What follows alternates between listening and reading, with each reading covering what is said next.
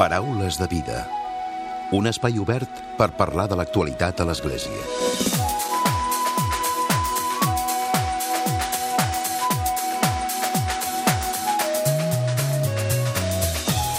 Què tal? Salutacions i molt bon dia, molt bon diumenge. Els responsables de Càritas Girona han presentat aquesta setmana la memòria anual del 2018, que deixa diverses i preocupants conclusions. La primera d'elles fa referència a l'habitatge i a la impossibilitat d'accedir-hi de molts ciutadans usuaris d'aquesta entitat. Això fa que moltes famílies hagin de ser acollides per d'altres famílies o bé per entitats socials que s'hi fan càrrec. Com a xifra, cal destacar que el 38% de les persones que van atendre durant el 2018 no tenien una llar en condicions. La precarietat laboral és l'altre factor a tenir en compte i que cada vegada afecta més persones. Malgrat tenir una feina, aquesta ja no garanteix res de res. Avui en parlarem, reflexionarem en conversa amb la Dolors Puigdevall, que és la directora de Càritas Girona.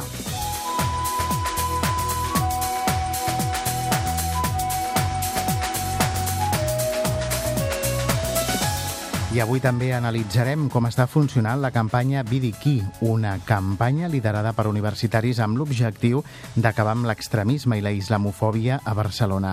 Aquests estudiants de Blanquerna conviden a la ciutat a ensenyar les seves claus a Instagram per lluitar contra la islamofòbia. La iniciativa neix en el marc de l'Observatori Blanquerna de Comunicació, Religió i Cultura. En parlarem amb l'Alba Sabater, que és periodista d'aquest observatori.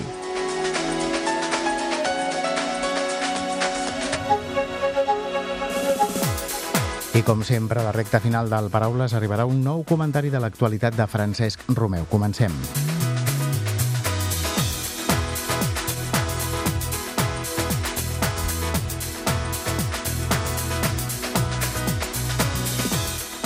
I saludem, donem la benvinguda a l'Alba Sabater. Ella és periodista, com dèiem ara mateix, de l'Observatori Blanquerna. Alba, bon dia i benvinguda. Bon dia, Emili, moltes gràcies. Vidiquí. Primer de tot, què és aquesta campanya? Que, de fet, ja fa aproximadament un any, quan es posava en marxa, en vam parlar aquí també amb una de les teves companyes, eh, amb la Lídia Dionís. Exacte. I avui veniu, torneu per fer una mica de balanç de com ha anat, no? Exacte, just complim un any, la campanya Videquí, Videquí, que significa Sigues la clau. El principal missatge de la nostra campanya és que tots podem ser la clau, d'una manera o d'una altra, per vèncer la islamofòbia i la intolerància tant a les xarxes com al carrer, especialment a la nostra ciutat, a, a Barcelona. Aquesta campanya la vam arrencar, doncs això, fa tot just un any, un grup d'estudiants de, de Blanquerna, de diversos nivells, de grau, de màster, fins i tot de doctorat, Eh, després, i, i com a conseqüència també, eh, dels atemptats del, del 17 d'agost del 2017, que van tenir lloc precisament en el barri on, on tenim la facultat, i a partir de llavors vam creure que doncs, canviar eh, una narrativa negativa que pot haver-hi al barri, a la ciutat i a les xarxes eh, doncs, precisament sobre les persones musulmanes i sobre l'islam doncs, era una, una missió que, que teníem no? i vam decidir doncs, engegar aquesta campanya. Uh -huh. Des dels atemptats mm, l'ambient que es viu al barri canvia, no? Eh, canvia i, de fet, eh, no és només una percepció, perquè no ens volíem basar només en una percepció eh, per, per arrencar aquesta campanya i també vam dur a terme una petita enquesta a nivell de barri amb, amb, els, nostres, eh, amb els nostres recursos i, i la veritat és que la percepció de la gent, no només la nostra, també era la mateixa, no? Doncs més por eh, a l'altre, a l'altre que és diferent, eh, l'altre que arriba, que creu, eh, que creu en, en confessions que no són les, les que habitualment eh, coneixem i que, per tant, això genera doncs, un malestar i, i genera prejudicis i aquest desconeixement doncs, és el que pot portar doncs, aquesta islamofòbia, no? i això és el, el que principalment volem vèncer. Uh -huh. Ara, com diem, ja gairebé farà un any que, que esteu en marxa, que heu fet aquesta difusió, que lluiteu contra l'islamofòbia. Ara fareu demà dilluns, feu un acte, oi? Alguna activitat? Exacte, la més recent de les accions que, que estem fent té, tindrà lloc demà. Eh, és un acte que tindrà lloc a la nostra facultat de, de comunicació, al Plató, i farem una, una mena de TEDx eh, talk, és a dir, una, una xerrada informal al Plató, eh, amb influencers contra l'islamofòbia. Influencers, doncs, eh, són aquests joves eh, que estan a les xarxes i que tenen milions i milions de seguidors, tenen un missatge molt clar un missatge que cala molt, especialment entre el públic jove, i nosaltres els volem conèixer, volem saber què fan i com eh, fan eh, que el seu missatge sigui efectiu a les xarxes, especialment el seu missatge contra la islamofòbia. Serà, doncs, una mena de, de taller. Uh -huh.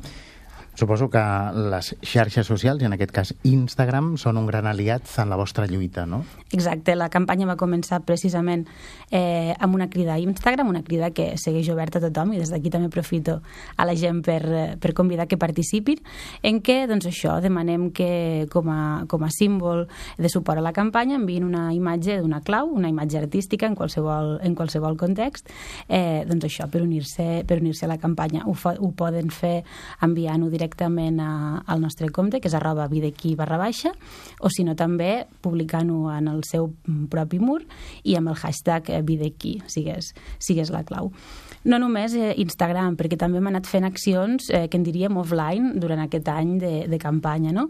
Per exemple, vam tenir eh, també a Blanquerna un curs eh, per detectar la islamofòbia de gènere en els mitjans. En, en aquest cas vam comptar amb la periodista Susana Pérez, que és experta en, en gènere, i vam tenir un curs eh, per a estudiants de comunicació especialitzat eh, en aquest tema. I a més també vam tenir un curs, un taller eh, per, sobre com utilitzar la Viquipèdia com a eina contra la islamofòbia va ser també una de les activitats que, que hem anat fent. És a dir, que són sempre xarxes o internet, no? noves tecnologies al servei d'aquesta lluita, no? Exacte, exacte, perquè creiem que poden tenir un, o, o el que es diria un engagement, un, un compromís amb la societat, doncs, eh, molt, de molt gran abast, eh, tot i que la campanya doncs, sorgeixi amb una idea local. No? Eh, de fet, moltes de les claus que hem rebut eh, ja són de, fins i tot de fora del, del país. No? Hi, ha, hi ha molts estudiants o fins i tot eh, investigadors que coneixen l'observatori de tres universitats de tres països que han decidit unir-se a la campanya i, i ho han fet, no? per tant això també ens Clar, agrada. Suposo que és el ressò no? que tenen les xarxes que no arriben, i malgrat ser una cosa que neix d'un grup d'estudiants, en aquest cas de l'Observatori de Barcelona, del Raval, però que um, és una lluita comuna no? i que la situació malauradament es dona a tot arreu. No? Exacte, nosaltres eh, insistim molt en, en, aquest, eh, en això, en aquest aspecte, eh, lluïm molt i, i, vol, i dic lluïm perquè estem orgullosos de la diversitat del barri on, on estem. I mm, cal dir que aquesta campanya també l'ha detectat eh, Facebook en un concurs que ah, fa de campanyes digitals amb universitats. Eh, ens, hi hem, ens hi hem apuntat i de fet ara mateix la campanya està concursant amb altres universitats eh, de campanyes digitals contra el discurs de l'odi. I per tant... És a dir, que doncs, forma part de cam diferents de, campanyes exacte, que es fan a través exacte, de Facebook. Exacte, sí, sí, i uh, d'aquí un mes eh, Facebook doncs, triarà seleccionarà unes quantes campanyes eh, per ser finançades perquè l'acció d'aquestes campanyes pugui ser més gran i per tant doncs, es puguin fer més tallers, més activitats i que pugui eh, tenir encara més arrelament local. Uh -huh. Això ho feu tot des de l'Observatori? Exacte, ho fem des de l'Observatori, des de la Facultat de Comunicació i a més ara també darrerament eh, s'hi han animat estudiants de la Facultat de Psicologia i Educació de Blanquerna i, bueno, i des d'aquí també... Que uniu esforços. Unim esforços i convidar, convidar també a, a sortir de la facultat tot aquell que, que vulgui participar i que vulgui col·laborar. Eh, L'objectiu, més enllà de qualsevol concurs, eh, és això, és unir forces per, per vencer aquesta realitat. Heu, feu un any Exacte. Això tindrà continuïtat, imagino. Exacte. Eh, clar, la bona notícia seria que no calgués que això tingués continuïtat. Però malauradament. Però malauradament eh, tindrà continuïtat i nosaltres eh, seguirem buscant maneres de, de, trobar, de trobar recursos i de trobar col·laboradors i partners per seguir creixent i per seguir fent accions que tinguin impacte social i que puguin eh, contribuir a, bueno, a difondre aquest coneixement que eviti els prejudicis i eviti la realitat de l'islamofòbia que ara, doncs, desafortunadament tenim. Uh -huh. L'impacte social que de moment esteu satisfets, no?, del que s'ha anat produint? Estem satisfets, eh, al barri la gent coneix la campanya, eh, la campanya li sona, la gent, la gent eh, s'anima a participar, però bueno, eh, volem créixer perquè encara ressoni més, i tant. Uh -huh. I des d'aquí ho, ho anirem seguint. No sé si, si ja per acabar, mm, Alba, Sí. si hi ha relleu d'estudiants. Va començar fa un any, no sé si més o menys hi ha els mateixos o va canviant de curs... Com? No, de fet hi ha, hi ha relleu, perquè Sí. a més teníem estudiants de quart que després han marxat a l'estranger i, evidentment, doncs, segueixen doncs, des d'altres països, però, però sí que hi ha relleu perquè la campanya a la facultat doncs, també és bastant coneguda i, de fet, des de l'Observatori a tots els estudiants que s'hi apropen i que s'interessen, doncs els hi donem, evidentment, la benvinguda a que, a que col·laborin. Uh -huh. Alba Sabater, periodista de l'Observatori Blanquerna, gràcies per haver-nos acompanyat avui per fer balanç d'aquesta campanya Vidiqui. Moltes gràcies a vosaltres. Paraules de vida. Un espai obert per parlar de l'actualitat a l'Església. I la nostra segona convidada avui al Paraules de Vida és la Dolors Puigdevall i és la directora de Càritas Girona. Dolors, bon dia i benvinguda. Bon dia. Quan iniciàvem el programa doncs fèiem referència a la presentació de, de la memòria de Càritas Girona del 2018, que s'ha fet aquesta setmana que hem deixat enrere, i una de les referències que fèiem era la de l'habitatge. A la roda de premsa en vau parlar bastament, oi? Sí, tot, um, ho dèiem com un repte que tenim com a societat. Eh, o sigui, ens toca eh, des, de, de, des de Càritas, i en aquest cas Càritas Diocesana de Girona, ens toca acompanyar, acollir les persones en situació de risc d'exclusió, però també eh, doncs entren els objectius de Càritas, que és alertar, no? és visualitzar doncs, aquells aspectes doncs, que veiem doncs, que les persones hi pateixen més. I en aquest moment, dèiem, també hem de dir, tot i que nosaltres, com a Càritas Diocesana, no tenim grans projectes, en tenim alguns, eh? i els vàrem mencionar, eh, eh, d'habitatge, ens sobrepassa a nosaltres. I em sembla que és un tema de societat i dèiem que la manca d'habitatge habitatge en aquest moment tanca la porta a la inclusió de les persones. Nosaltres tenim que un 36% eh, de les persones que ens han vingut doncs, tenen problemes eh, per tenir un habitatge digne. Uh -huh. I a més a més amb aquesta situació d'un uh, habitatge que no és digne i a més a més amb situacions que han de compartir, no? que això també potser trenca unitats familiars o fa que el dia a dia, la quotidianitat de les famílies no sigui el més adequat, no? Uh, és, és la situació que nosaltres diguem d'aquest 36% són persones sense habitatge o acollides en altres famílies o acollides alguna en perfils joves, alguns amb entitats o sense llar o que han ocupat o habitació rellogada. Eh? Clar, són situacions eh, complicades. I també parlem de la, parlàveu de la precarietat laboral, no? De, avui dia tenir una feina per moltes persones ja no és eh, signe de tranquil·litat o de com a mínim portar una vida digna, sinó que al contrari, hi ha problemes, no? Sí, eh, nosaltres dèiem que entre les persones que s'han adreçat a eh, Càritas eh, dèiem, sí, hi ha tres elements, no? Sous baixos, pel que fa a la precarietat de, del treball que tu mencionaves, la parcialitat, eh, que moltes persones voldrien fer tota una jornada i no hi poden optar, i el treball temporal. Nosaltres, entre les nostres dades, eh, perfil que, que tu deies eh, és el 18%. Són persones que treballen i que han hagut d'acudir a Càritas, eh? I hi ha després un 58% que són persones que estan en actiu però també busquen feina eh, quan ens arriben a Càritas. Uh -huh. Clar. Cal estar atents a aquests tant percents. Eh? Uh, feins fa ben poc eh? Uh, hi havia una diferència molt gran entre una persona que podia optar un treball i una que no hi podia optar. I en aquests moments eh, hi ha una franja molt ampla, eh, um, difosa, d'un grup de persones que encara que hagin, eh, eh, tinguin un treball, doncs no caben de poder-se integrar, tot i que fa poc que vam fer una taula rodona dèiem que encara no? el treball ho vèiem com eh, una opció de les millors per poder-se integrar a la societat. Uh -huh.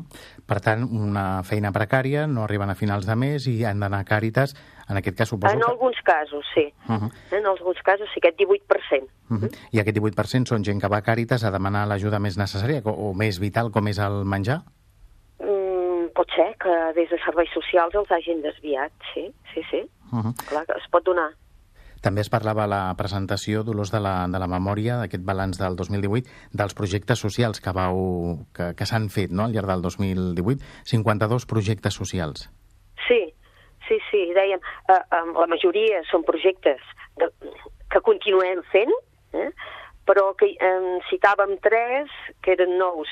Eh, L'Espai Jove, que es va fer, era una, va ser una atenció intensa eh, dedicada a joves de tres mesos de formació, finals de, del 2018.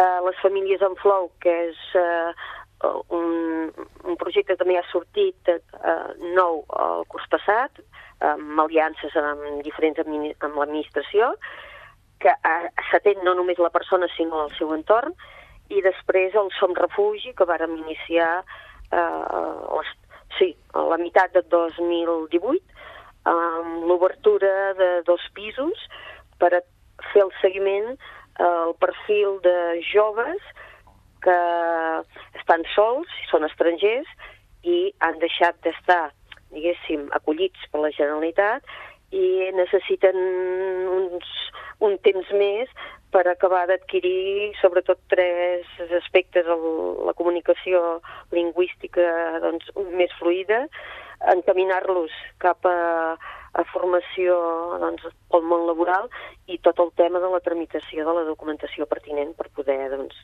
eh, optar a un treball. Uh -huh. Garantir que tinguin una vida digna, no?, aquests joves que no es trobin, mm, perquè molts poden haver, els que han arribat a 15 anys, potser eh, eh, amb el suport de la Generalitat ja han pogut eh, fer tota una tramitació, però hi ha joves que arriben aquí potser tenen 17 eh, anys i, i 8 mesos. Llavors, els hi queda poc temps, des, fins als 18 anys, perquè se'ls pugui ajudar. I llavors eh, hi ha una taula eh, de casos a nivell de Girona i suposo que les altres demarcacions també, que, conjuntament amb la Generalitat i altres entitats que es van mirant els perfils i doncs van començar el 2018 amb dos pisos per atendre 4 i 4, eh? 8. Després el 2019 s'han fet efectius un altre, però ja en parlarem l'any que ve. De dades del 2018 sí que hem, dins del 2018 ja hem estat preparant doncs, per poder atendre més. Eh? Uh -huh. Uh -huh. De fet, eh, es parla també, o vau parlar del fet de que arriben més persones de fora, no? que potser estan fugint de conflictes i que arriben a Girona. Sí, sí. Eh, hem notat un, veure, una arribada, sobretot per lo dels eh, serveis jurídics, eh, per atendre persones doncs, que eh, arriben, han notat un augment eh, en l'atenció eh, de l'àmbit suport jurídic i dèiem, hi ha hagut eh, un increment de famílies nouvingudes i moltes sabem, bueno, tant pot ser de um, centre Sud-amèrica com les que ens venen d'Àfrica. I després l'altre grup fort, els joves migrants sense referents, adults, que o, o venen sols a Càritas, alguns potser encara són menors i es poden adreçar a, a través de la de Gaia no, d'altres entitats, o després quan són ja joves potser venen sols, sí, sí. De Fins fet... ara potser perfils de uh, això, uh, els que els estan atenent, sobretot pel que fa a persones que venen de, del centre i Sud-amèrica, fins ara havien arribat, fins fa pocs anys, venia una persona sola i ara estan notant que quan venen, venen un grupet, o sigui, dos, tres, eh? venen en família. Clar, el problema de documentació inicial i de procés eh, es complica. Clar, tot el procés alhora quan, quan estan ja aquí, no?, quan arriben. Sí, sí, sí, sí. sí. Uh -huh. Doncs avui hem parlat d'aquesta memòria, de la presentació de la memòria anual del 2018 de Càritas Girona, que es presentava Diu aquesta... Cesana, sí, diu Cesana. Càritas... Som un equip de, de 50, eh? 50 equips que a, a, a la diòcesi de Girona. Uh -huh. eh? Doncs ho hem fet en conversa amb la Dolors Puigdevall, que és la directora, la directora de Càritas Diocesana de Girona. Gràcies, Dolors, i fins aviat. Fins aviat. Bon dia. Paraules de vida. I tot seguit arriba el comentari de l'actualitat de Francesc Romeu. Francesc, molt bon dia. Molt bon dia a tothom. Dilluns passat vaig llegir al diari Ara amb molta sorpresa aquest titular. Un cardenal trenca un precinte policial per tornar la llum a un edifici ocupat per 450 sense sostre. Tot seguit el text especificava que aquest cardenal no era un qualsevol, ni de qualsevol lloc, sinó que es tractava precisament de l'almoiner del papa i que justament havia intervingut en un bloc de pisos de Roma, quan ja portaven sis dies sense subministre. Després, pels canals informatius oficials del Vaticà, vaig veure que era veritat i que certament es tractava del cardenal polonès Konrad Krajewski, que és l'almoiner pontifici, és a dir, el qui ajuda el papa Francesc en les seves obres de caritat, i que en un gest desesperat va encendre els comptadors d'energia elèctrica d'un edifici on durant diversos dies més de 400 persones no tenien aquest servei que va ser tallat per un gran deute en el pagament de més de 300.000 euros. El diari del Vaticà, l'Osservatore Romano, assenyalava en la seva edició del dissabte 11 de maig que el cardenal, informat de la greu situació en què es trobaven més de 400 persones, entre elles molts infants, pel tall de la companyia que subministra l'energia elèctrica per un problema de morositat, s'ha dirigit a la via de la Santa Croce en Jerusalem, al centre de Roma, i ha procedit personalment a encendre els comptadors. Tal com va dir el cardenal polonès, he intervingut personalment dissabte a la nit per encendre els comptadors. Ha estat un gest desesperat. Eren més de 400 persones sense corrent, amb família, infants, i no podien ni tan sols endollar les neveres. Aquest fet del cardenal indica, el diari Vaticà, és un gest d'humanitat realitzat amb la consciència de les possibles conseqüències que podria tenir, amb la convicció que era necessari fer-ho pel bé d'aquestes famílies de tal manera que en declaracions als mitjans italians ja ha reconegut la seva responsabilitat i ha assegurat que si li arriben les multes les pagaré. El diari Vaticà també assenyala que des de fa diversos dies els habitants del bloc, sense aigua calenta i sense poder fer funcionar els refrigeradors, ja rebien ajuda del Vaticà amb l'enviament d'una ambulància, metges i queviures. L'almoiner va dir, a més, que en aquest edifici hi ha vides humanes i estem al cor de Roma gairebé 500 persones abandonades a la seva sort, famílies que no tenen un lloc on anar, gent que s'esforça per sobreviure. Per això va dir, és important preguntar-se per què hi són, per quin motiu, com és possible que aquestes famílies es trobin en aquesta situació. Justament aquests fets s'han produït a Roma quan aquest cardenal almoiner acabava d'arribar en nom del papa d'un viatge solidari a la illa grega de Lesbos per renovar la preocupació i la proximitat del papa Francesc amb els refugiats allotjats en els campaments locals. En aquesta ocasió, el papa ha fet una donació de 100.000 euros a Càritas Elas, que dona suport als sol·licitants d'asil i als refugiats i ha contribuït a la construcció d'una zona de jocs coberta pels infants migrants del centre Team Humanity d'aquesta illa grega. Recordem que el papa havia visitat l'illa grega fa tres anys, el 16 d'abril del 2016. Aquest viatge solidari que va acabar el passat divendres 10 de maig estava organitzat per la comunitat de Santa Giri i la secció de migrants i refugiats del Dicasteri pel Servei del Desenvolupament Humà Integral. El bisbe Jean-Claude Oleric, arcabisbe de Luxemburg, va acompanyar el cardenal Krajewski com a president de la Comissió Episcopal Europea per expressar la solidaritat de tota l'Església Europea el cardenal i l'arcabisbe van estar acompanyats sempre per Monsenyor Sebastianos Rosolatos, arcabisbe d'Atenes. Durant aquests dies, el cardenal Krajewski va poder visitar tots els campaments a Lesbos, especialment el més gran, el de Mòria, punt d'accés i centre de registre de migrants. També es va reunir amb les associacions involucrades en el camp. Pensem que l'Església Catòlica està fortament present entre els migrants de Lesbos, gràcies a Càritas, a la comunitat de Santa Giri i a la Comissió Catòlica Internacional de Migració. D'altra banda, Lesbos segueix sent un lloc particularment simbòlic, com va dir el papa Francesc el 2016, pel fet que representa com un lloc d'aterratge per molts migrants a la recerca de pau i dignitat. Molt bon diumenge a tothom!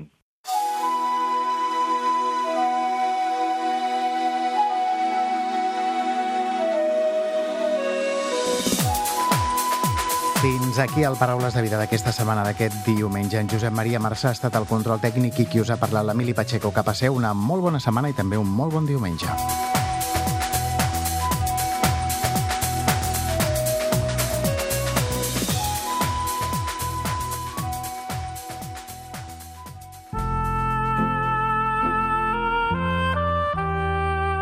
us oferim la carta dominical de l'arcabisbe de Barcelona, Joan Josep Omella.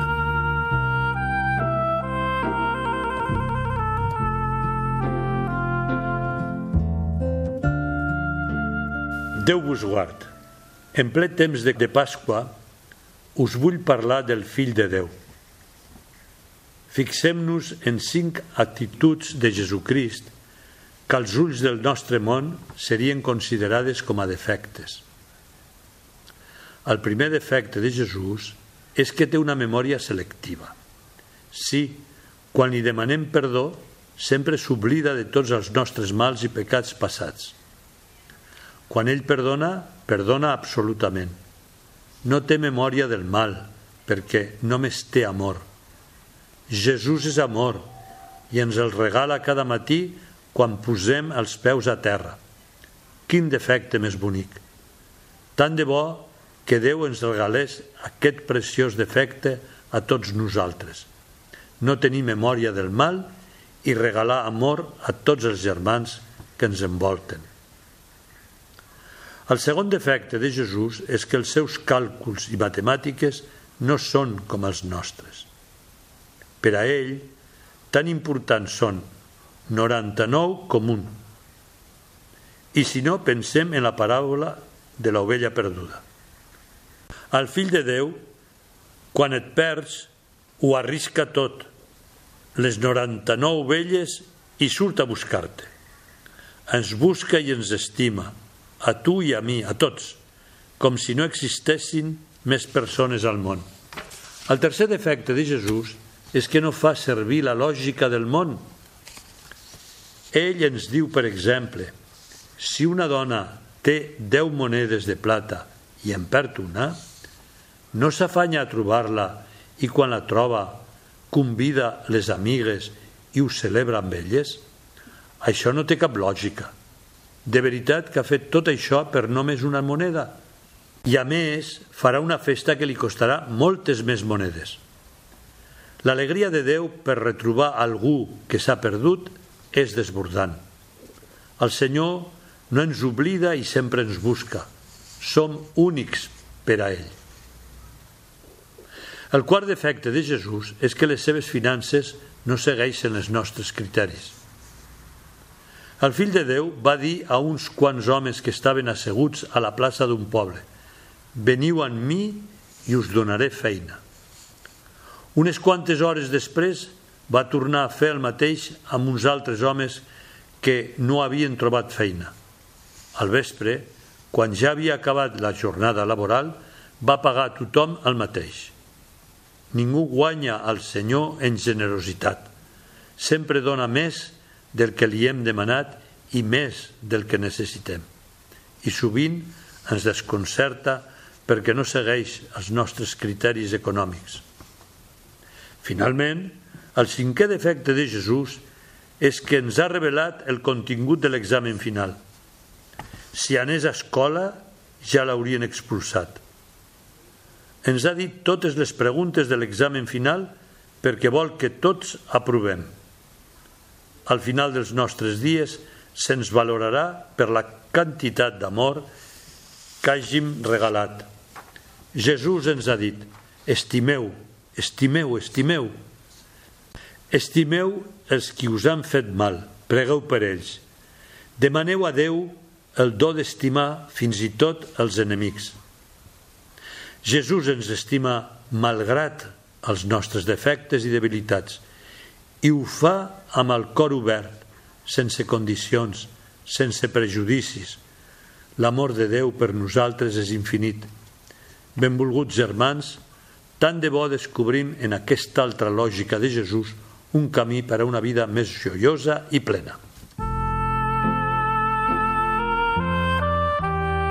Us hem ofert la carta dominical de l'arcabisbe de Barcelona, Joan Josep Omella.